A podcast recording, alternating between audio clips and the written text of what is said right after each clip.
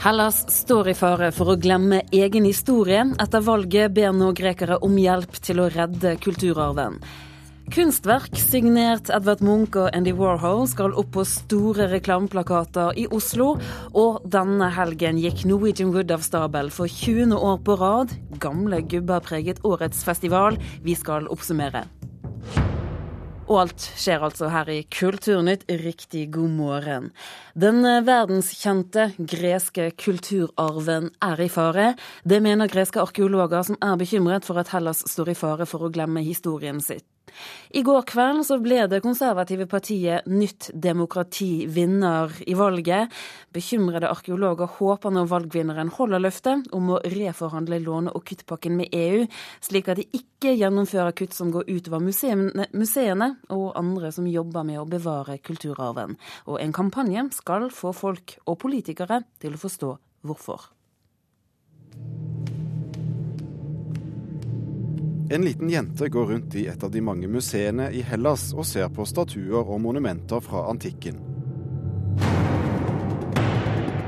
Med ett tar en svartkledd hånd henne om munnen og river henne vekk. Men et øyeblikk senere ser vi at det ikke er jenten som er bortført, men statuen hun så på. Reklamefilmen gikk på gresk TV før valget og ender med teksten 'Monumentene har ingen stemme, de trenger din'. For i vinter opplevde Hellas innbrudd og tyverier ved to av de store museene. Den greske arkeologforeningen mener innbruddene skyldes kutt i vaktholdet gjennom de siste to årene, sier president i foreningen Despina Kutsumba. It is a critical situation because we suffer for the last two years of a lack of funding and personnel. That led to two major robberies, one in the National Gallery and the second in uh, the Etter innbruddene er midlene til museumssikkerhet kuttet med ytterligere 20% Det har ført til at flere museer må holde helt eller delvis stengt, noe som også går utover turismen. Despina Kotsumba sier kultur gjerne blir sett på som luksus i den økonomiske krisen. Det er feil og kan bære galt av sted, mener hun. If you have an economical crisis and you have a lack of cultural education, Uh, this will lead to an ethical crisis and a social crisis and in a society of a jungle. And we see things like this in contemporary life in Greece. Hvis man kutter i formidlingen av egen kulturarv i krisetider, vil det føre til en etisk og sosial krise i tillegg. Det har vi allerede sett er i ferd med å skje, sier presidenten i Arkeologforeningen. Og det vil hun unngå. You cannot avoid them without your identity, which are the historical monuments and the history in general, and without cultural education. Sosial oppløsning kan forhindres med nettopp formidling og opplæring i historie og kulturarv, sier Kotsumba. Nå satser den greske arkeologforeningen på at en ny regjering vil forstå det, og holde museer og historiske steder åpne for både grekere og turister. Det sa reporter Thomas Alverstein Ove.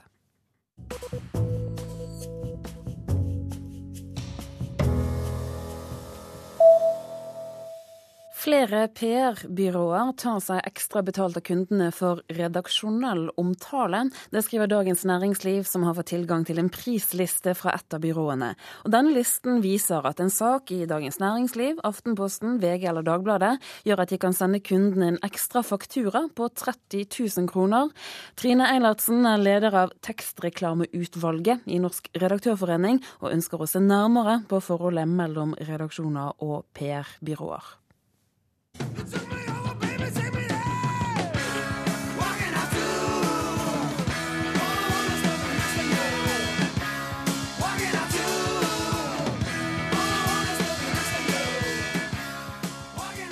Denne låten avsluttet eh, den første av sommerens mange store rockefestivaler i går.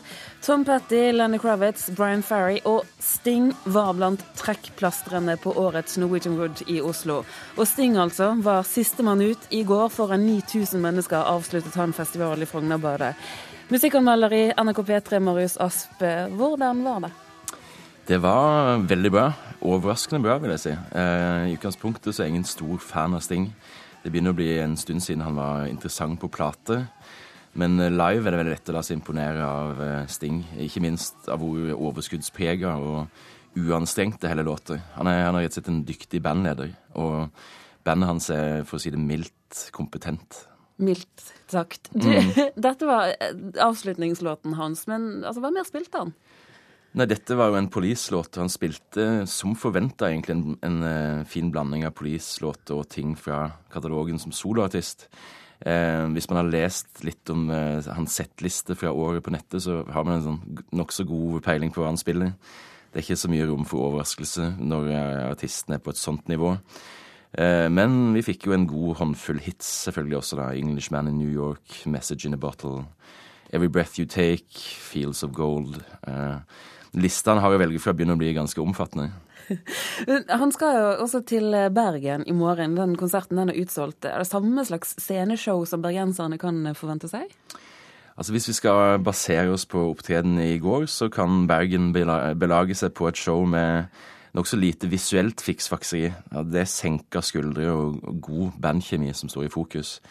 Og bandet består av musikere som individuelt sett er råflinke.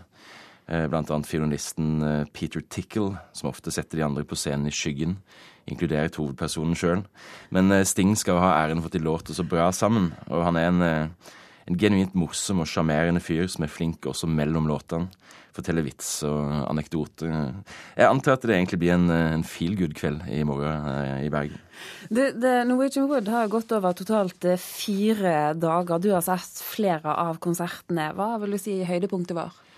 Altså, jeg har sett, I tillegg til Sting har jeg sett Tom Petty and The Heartbreakers. Jeg har sett den amerikanske singer-songwriteren Jonathan Wilson og den svenske popkometen Lale. Og Hvis jeg på forhånd skulle spådd høydepunktet, så ville nok Petty og Wilson rage over Lale og Sting. Så ble det faktisk motsatt. Eh, Lale begynner virkelig å stikke seg ut som en av de store skandinaviske popartistene. Og som en ung kvinne så var hun et velkomment eh, innslag i Frognerbadet i år. Hva er det som gjør at det fungerer så godt? Nei, Med henne så er det en, en blanding av sterke låter eh, og en, en, slags eh, hva skal jeg si, eksentrisk sjarm. Hun er veldig, eh, veldig fin å se på og veldig god å høre på. Er det flere ting du vil trekke frem fra årets festival? Hvis man skal se litt kritisk på det, så syns jeg ikke årets program var veldig spennende. Eh, gjennomsnittsalderen på headlineren er jo én ting. Eh, 62,3 år, eh, hvis man ser borte fra Kaizers. Men eh, et større problem er jo at, eh, at, både Brian Ferry, Tom Petty og Sting nokså sikkert har lagt sine kunstneriske høydepunkter bak seg for en stund siden. Eh, og at man booker et så tannløst konsept som hver gang vi møtes. Eh, vitne om at kosefaktoren begynner å gå på bekostning av den musikalske kvaliteten til festivalen. Men det er en lengtlevende festival, dette her. Så hva er det da som gjør at de lykkes? Det skyldes nok i stor grad to ting. Beliggenhet midt i Oslo, og selvfølgelig at de satser på folkelige navn. Gjerne artister som har vært aktive lenge, og som har hatt tid til å bygges opp en eh, lojal fanbase. Eh, den ideelle eh, Norwegian Wood-headlineren er vel kanskje Bruce Springsteen. Så jeg mener at de, de, kan ta enda litt flere sjanser og fortsatt beholde den folkeligheten. Men uh, de skal ha respekt for at de, uh, de vet hva som funker. Marius Asp, takk for at du var med oss her i Kulturnytt.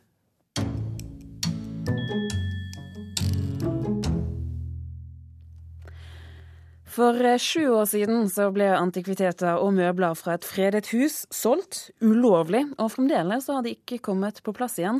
Antikvitetene hører til et fredet hus på Kokk Bang i Hedmark.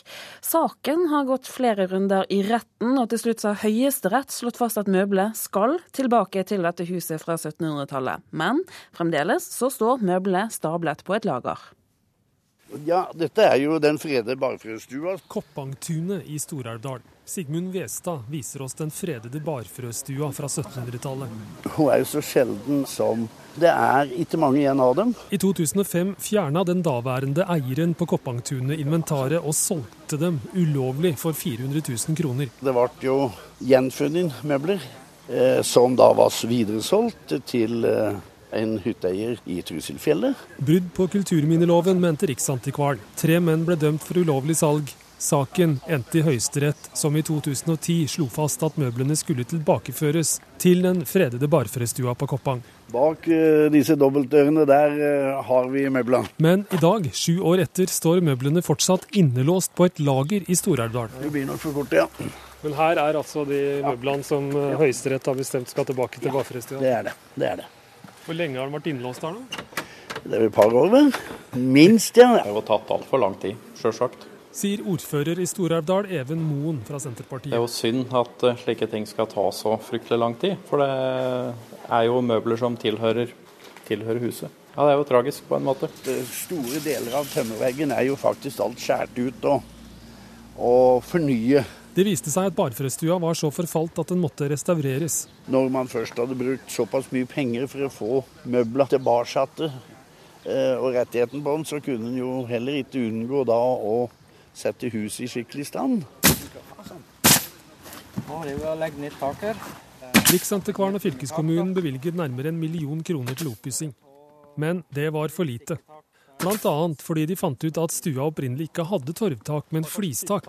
Så nå er pengepotten brukt opp. Så dette er jo blitt vesentlig mye mer eh, omfattende enn det man trodde til å begynne med. Og det betyr igjen at de pengene som var til disposisjon, er oppbrukt. Nei, Det er vel spørsmål om å få inn noe mer penger, så vidt jeg har skjønt. Så fra fylket, da, før det blir noe mer. Snart må Tony og Åsmund Engelberg i Norsk Håndverk avslutte arbeidet før huset er ferdig pga. pengemangel. Det er jo beklagelig at eh, det ikke er nok, eh, nok midler, men eh, det har jo blitt mye mer om, omfattende enn det som var planlagt òg, da. Når kommer møblene tilbake her? Ting tar tid. Men jeg må tilstå at det går smått. Og det, det er litt hjertebarn vi snakker om her. Folk er veldig opptatt av kulturen sin. Man er engstelig for at eh, det skal stoppe opp underveis. For pusset ned, og så skal det pusses sånn at den gamle dekormalingen kommer fram. Utbedringene kan i verste fall beløpe seg til nær tre millioner kroner. Etter det vi vet, vil Riksantikvaren bevilge mer penger, slik at den fredede Barførestua blir ferdig. Når noen klarer å hente fram noen penger til å få på plass det. Kultursjef Janne Mellum håper møblene skal komme tilbake i løpet av neste år. Eh, tidligst våren, sannsynligvis til høsten igjen, da, så det vil bli høsten 2013. Ja, Da har vi kjent for å være veldig tålmodige.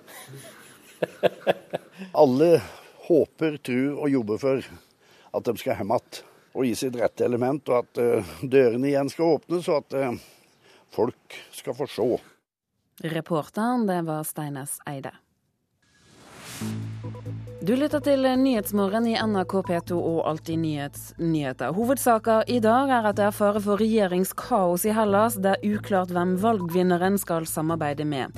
I Drammen er det pyromanfrykt, for det ble satt på en ny brann i natt. Og bli med oss videre her i Kulturnytt, for det blir fort mye småpludder. Det mener vår anmelder om den siste romanen til John Irving.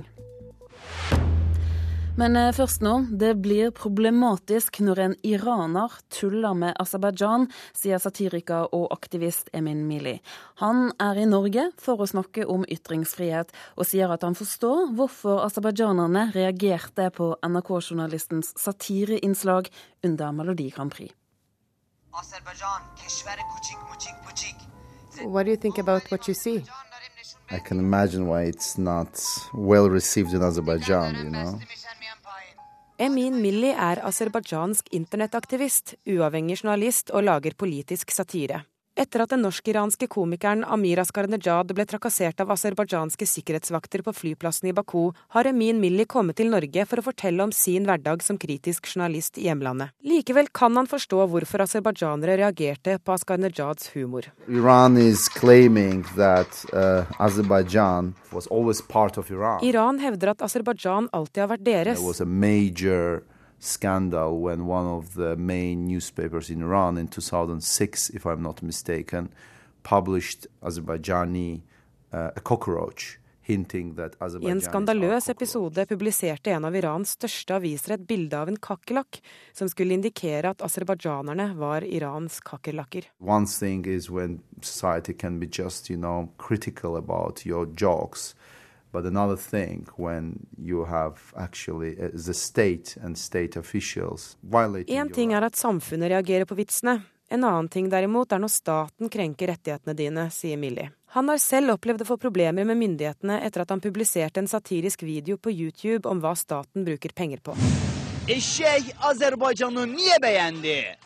Azerbaycanlılar eşekler için I personally was beaten up in a restaurant. And then when we went to report the case in the police, we were detained and there was a trial which you cannot say it was fair. They didn't listen to our witnesses. They refused to give the cameras on the street which would prove our Jeg ble innocence. banket opp på en restaurant etter at jeg publiserte videoen. Da jeg gikk fra å anmelde det til politiet, endte det med at det var jeg som ble fengslet. In many authoritarian countries, um, people in power and with money don't like when uh, ordinary people laugh about them. And humor makes them look I mange autoritære land liker ikke myndighetene at man ler av dem. Det får dem til å føle seg nakne, sier Millie.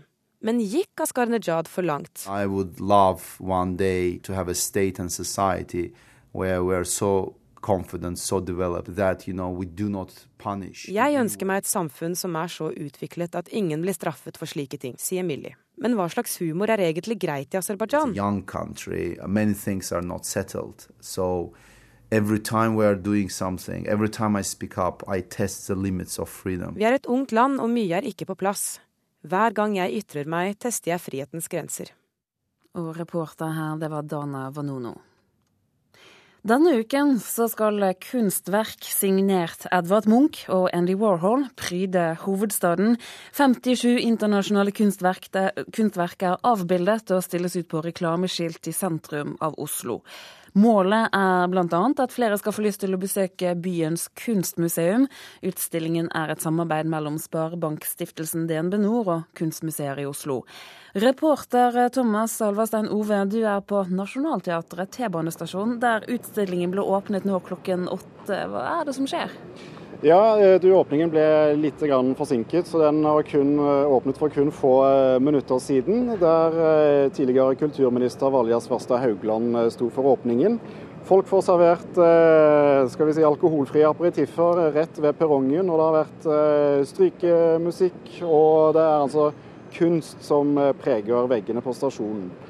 Eh, Jeg har med ansvarlig, nei, selveste administrerende direktør, eh, Frode Helgerud for Sparebankstiftelsen eh, DNB Nor. Eh, Hvorfor gjør dere dette? Først og fremst gjør vi det for å vise frem fantastisk god kunst. Kunst i litt andre omgivelser enn det folk flest er vant til å se dem, der verkene henger rundt omkring på de ulike museene. Dette er kunst som nå er mulig å se på i, på de store T-banestasjonene i Oslo. Men ikke minst er det kunst som man kan beskue utendørs i en rute mellom sentralstasjonen og, og Aker Brygge. Og dette her er det ingen åpningstidsbegrensninger. Dette er årets lyseste uke, og det er mulig å se disse verkene 24 timer i døgnet. Og Dette er bilder i, i deres eie som er lånt ut vanligvis til eh, de offentlige museene, er det sånn å forstå? Ja, det er, det er helt riktig. Disse bildene de, de henger på en syv eller åtte av de største norske museene. Bergen kunstmuseum og alle østlandsmuseene. Nasjonalmuseet, et av museene dere låner bilder ut til, opplevde nedgang i eh, besøket i fjor. Om lag 30 000 færre besøkende. Hvordan kan denne utstillingen gjøre kunstmuseene mer interessante for folk, tror du? Ja, litt fleipete har jo vi antydet at det er like mange som kommer til å se denne utstillingen vår daglig som det er i løpet av et år på Nasjonalmuseet. Og, og vi håper jo inderlig at dette skal være en aperitiff, at noen skal stoppe og undre seg, få lyst til å se mer, lære mer. Og da er selvfølgelig de store museene det riktige stedet å gå og se på disse verkene og alt annet flotte som henger rundt omkring i norske museer. Ja, hvor, hvor, synlige er bildene nå i bybildet i, i Oslo? Ja, de er veldig synlige på sentralstasjonen på Nationaltheatret T-banestasjon og på Stortinget T-banestasjon. Og så har vi lagt opp en plakatrute fra sentralstasjonen og til Aker Brygge. Så særlig på Aker Brygge, på, jernbane, nei, på, på Rådhusplassen og i området rundt jernbanestasjonen vil det være lett å se dem og mye å glede seg over. Er det mulig å trekke frem en perle du vil anbefale spesielt? Nei, jeg vet ikke. Jeg vil kanskje si, fordi det er en sånn fantastisk flott Andy Warhol-utstilling på Haugar, så vil, jeg, så vil jeg be folk være spesielt oppmerksom på han. Han er en utrolig spennende og viktig internasjonal kunstner med et sterkt forhold til Norge og norsk kunst. Og Utstillingen kan altså nytes i Oslos bybilde en uke fremover. Takk skal du ha, Thomas Alverstein Ove.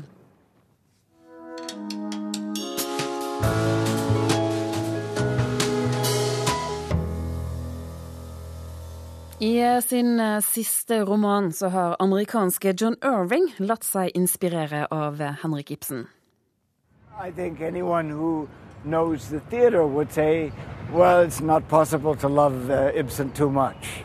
He's also writing about people who are pushing against the confines of what their gender is and what is expected of them. Det sier Irving selv. Og disse Ibsen-diskusjonene er det beste ved den siste boken hans. Eller så inneholder romanen forutsigbare Irving-temaer som bryting, en forsvunnet far, uklare identiteter og ikke minst sex i de fleste konstellasjoner. Det blir dessverre for mye småpludring og for lite substans. Det mener vår anmelder om romanen i en og samme person. Han er glad i å fortelle historier, John Irving glad i å dikte opp de mest originale skikkelser og la dem møte hverandre, og så se hva for noe forunderlig det kan føre til. Og mye forunderlig er det i En og samme person, som er tittelen på Irvings 13. roman. Boken åpner bra. Jeg vil begynne med å fortelle om Miss Frost. Selv om jeg sier til alle at jeg ble forfatter fordi jeg leste en viss roman av Charles Dickens i den formende alder av 15 år, er sannheten at jeg var enda yngre da jeg møtte Miss Frost første gang, og forestilte meg at jeg hadde sex med henne, og det øyeblikket i min seksuelle oppvåkning markerte også fantasiens ustadige fødsel. Vi formes av det vi higer etter. Etter mindre enn ett minutts opphisset hemmelig lengsel higet jeg etter å bli forfatter og å ha sex med Miss Frost. Ikke nødvendigvis i den rekkefølgen. Vi er i Vermont på 1950-tallet. Det vil si, jeg-fortellerens nåtid er vår egen, der han som 70-åring ser tilbake på sin turbulente ungdomstid. Billy Abbott vokser opp uten far, men får en stefar han forelsker seg i. Ikke lenge etter er det byens kvinnelige bibliotekar 13-åringen faller for, og fascinasjonen blir ikke mindre når det kommer for en dag at den boklige Miss Frost egentlig er mann, og i sin tid var den lokale skolens brytestjerne. Det er ikke få som spiller roller i denne romanen, som i stor grad er bygget opp over teateroppsetninger, det være seg Shakespeare eller Ibsen. Kommentarene til ulike Ibsen-roller og beskrivelsen av den dystre norske tømmermannen Nils Borkmann, som også er dramaturg og elsker Ibsen, er noe av det mer humoristiske ved boken. Billy er en usedvanlig åpen og nysgjerrig gutt, som hos bibliotekaren låner en bok om å forelske seg i feil personer. Både stefar, bestefar, mor og tante, etter hvert også naboer og venner, involveres i Billys leting etter en seksuell identitet. Han definerer seg etter hvert som bifil, han går fra forhold til forhold, men glemmer aldri Miss Frost og skolekameraten Kittredge, den vakre, maskuline pøbelen som lenge forblir et mysterium. I en og samme person er en viktig roman, i den forstand at den skriver frem en toleranse for folk som er annerledes. John Irving, som tidligere har skrevet romaner som Garps bok, Siderhusreglene og En bønn for Owen Meany, har en stor vilje til å løfte frem mennesker som skiller seg ut. Og han fremmer en tydelig kritikk mot president Reagan, som i løpet av sin presidentperiode gjorde fint lite for å bekjempe aids-epidemien, som tok livet av så mange homofile i USA på 1980- og 90-tallet. Men for meg ble John Irving rett og slett for pratsom denne gangen. Historiene gjentar seg, fortellingen blir utflytende, og forfatteren gir for lite dybde og substans til de talløse figurene som dukker opp underveis. Dette fører til at lenge før de drøyt 500 sidene er lest, så har jeg mistet interessen for både Billy og alle de andre mer eller mindre viktige skikkelsene som befolker livet hans. Ja, det mente Anne Katrine Strøm om John Irvings roman, som er oversatt til norsk av Halvor Christiansen. Når artisten Rihanna kommer til Oslo neste uke, så får hun gaver fra norske designere til en verdi av et sekssifret beløp. Det skriver Dagbladet, som bl.a. har snakket med øyenbryndesigner Fred Hamilton. Han har designet en pinsett til en verdi av 50 000 kroner som han ønsker å gi til artisten. Og hun kommer til Norge i forbindelse med en konsert under Kålfestival 29.6. Ansvarlig for Kulturnytt i dag var Vidar Sand. Hilde Tosterud har hatt det tekniske ansvaret, og her i studio Turi Grønbekk.